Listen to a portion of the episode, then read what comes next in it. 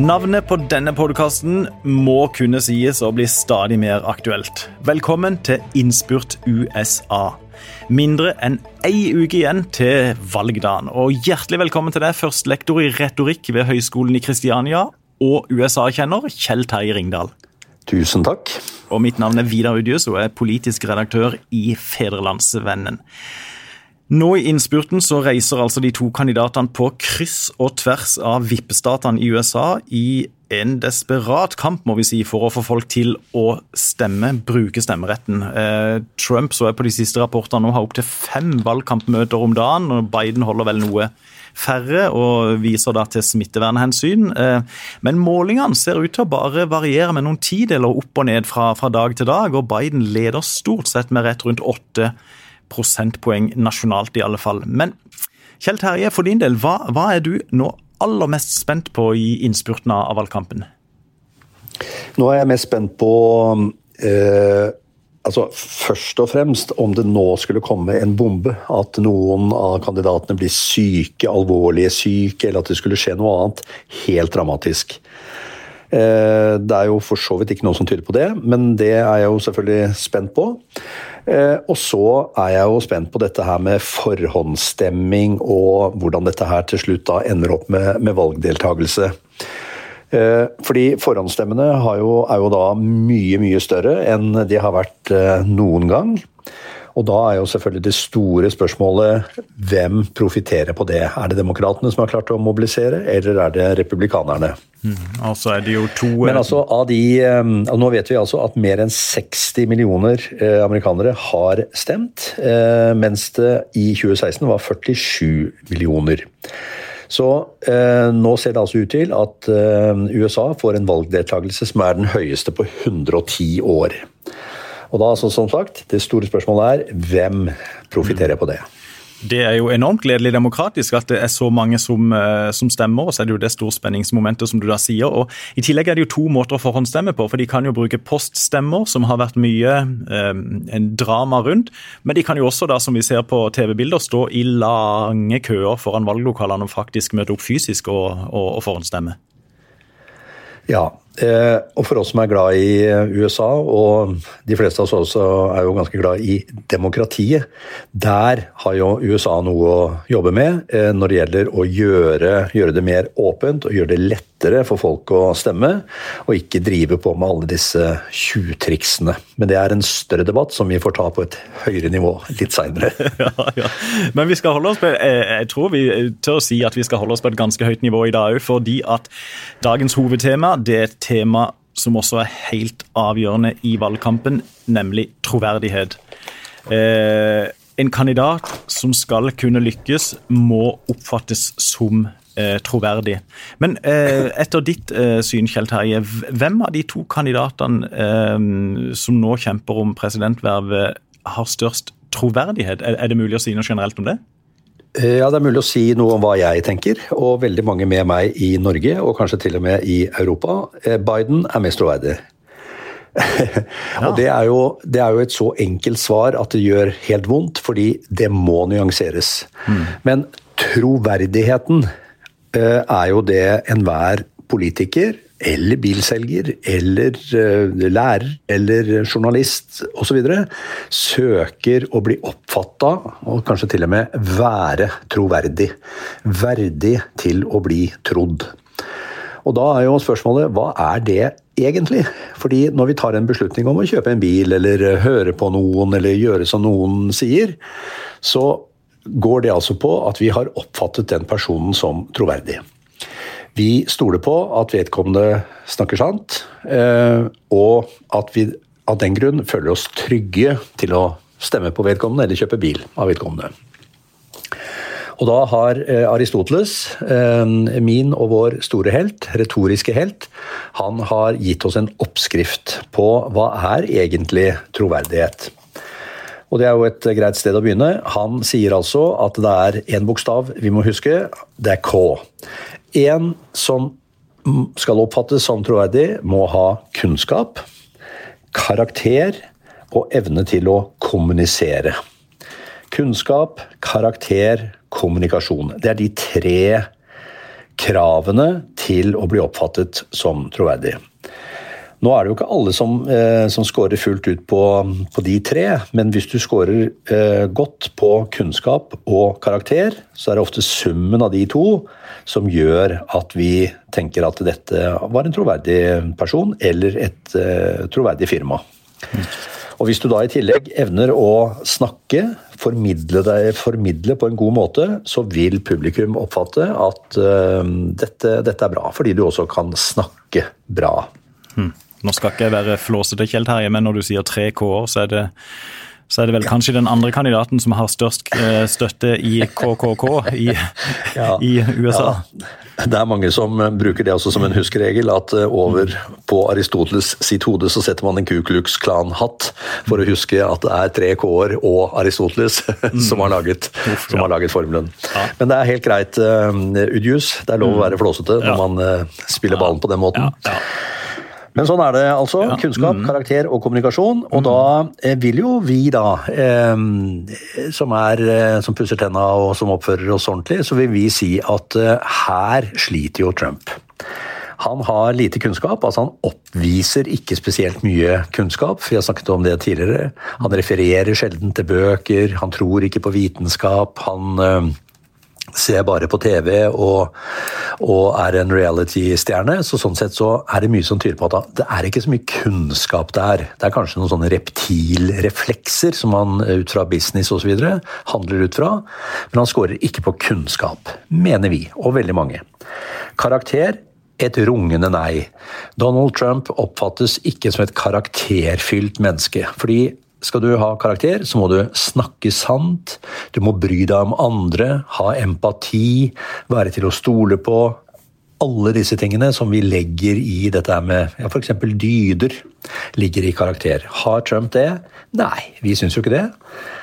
Og så til slutt, eh, kommunikasjonsevner. Han snakker dårlig. Det må vi kunne si at ut fra sånn tradisjonelle krav om hvordan en politiker eller andre som skal snakke, leve av å snakke og tenke, så snakker han ikke spesielt godt. Det betyr altså at eh, når vi sitter her i det trygge Norge og eller eh, har utdanning, så vil vi kunne si han stryker på alle k-ene. Hmm. Men, og da kommer det rungende mennet. Fordi én ting er hva vi mener, hva vi mener er kunnskap, hva vi mener er karakter, og hva vi mener er godt språk.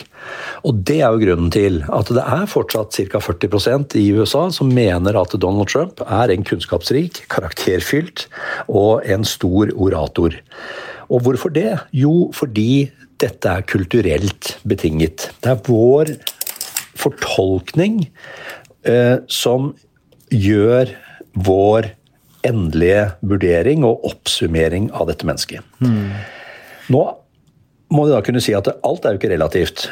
Fordi veldig mange av amerikanerne som i 2016 tenkte at nei, men Trump er en bra mann, eh, han har karakter, han skal ri inn i Washington DC og sparke ned søppelkassene og rydde opp. Han er en tøffing, han sier det han mener, og er sånn sett karakterfylt. Og så snakker han på en måte som ligner litt på kanskje min måte å snakke på. Det er ikke så avansert, men det er nesten som å høre vår egen onkel eller eh, seg selv snakke. Ikke noe snikksnakk, rett på mål. Mm. Og dette med kunnskap, ja hvem vet om ikke kanskje han har rett, og ikke alle disse forskerne og økonomene og alle disse folka som vi ellers i livet ikke liker noe særlig. Så Det betyr at Aristoteles hjelper oss et stykke på vei, men ikke helt fram, fordi det er vår egen fortolkning som gjelder. Mm. Og så er det jo òg, eh, litt i forlengelsen av begrepet troverdig, så, så er det jo også begreper som eh, ekte, autentisk. Og, og, det er jo også begreper som er, er viktige når amerikanerne skal velge sin eh, president. Og vi har tidligere hatt eh, presidentkandidater som vi på vår side av Atlanteren har syntes var kjempedyktige. Vi hadde Al Gore i år 2000, men langt ut i valgkampen der så var det vel, om det var Newsweek eller Time som spurte Will the real Al Gore stand up please. Altså, hvor, vi får ikke tak på han. Hvem er han? Eh, og, og, og, det var snakk hele tida i løpet av den valgkampen om at han måtte redefinere seg som presidentkandidat, fordi at folk fikk ikke tak på han, Og kanskje kan det være ekstra vanskelig når, når, man er eller har vært visepresident under en tidligere president, for da skal du jo gjerne framstå litt annerledes, men ikke altfor annerledes enn den, enn den gamle sjefen din. og um, ja, og I 1988, da, da pappa Bush eh, vant og skulle innsettes som president etter å ha vært visepresident under Reagan, så, så sa han vel i sin innsettelsestale at han ville ha a gentler America. Og da eh, bøyde jo Nancy Reagan seg fram til sin mann og så sa 'gentler than what'? Altså hva? Driver han og kritiserer arven fra, fra det her? Så det er jo, ja, det, det, er jo, det er jo mange hensyn som kommer, som kommer inn her. Det er det. Det vi kan lære av dette, og det, du har jo helt rett, eh, autentisiteten er jo viktig. Eh, det å være autentisk handler jo da om å være ekte. Være deg selv. For det er det vi egentlig er på jakt etter når vi søker relasjoner, venner, eh, kollegaer som vi samarbeider godt med. Folk som er ekte. Folk som sier det som det er, som ikke later som, som ikke forstiller seg. Nå ligger det i karakter også, men, men autentisiteten handler jo da om å være helt ekte og ikke jåle seg til. Mm. Og det det du nevner med Al Gore er jo helt riktig, fordi Al Gore i hele valgkampen var jo en slags maskin. En kjempeflink maskin som snakket, og som hadde masse kunnskap og hadde rett hele tiden. Men hvem liker folk som bare har rett, og som ikke smiler, som nesten ikke svetter, og som du kan begynne å lure på er det kunstig intelligens her? Og der er det jo et berømt bilde av Al Gore tatt dagen etter at han hadde tapt. Hvor han altså står sammen med sine valgkampmedarbeidere. Litt svett, han har kasta eh, jakka, han har bretta opp uh, skjorta. Og han står med en øl i hånda, og han ler litt sånn oppgitt over dette tapet. Og da sa de 'hvorfor viste du ikke den, Al Gore, i løpet av valgkampen'? For det er det vi vil se.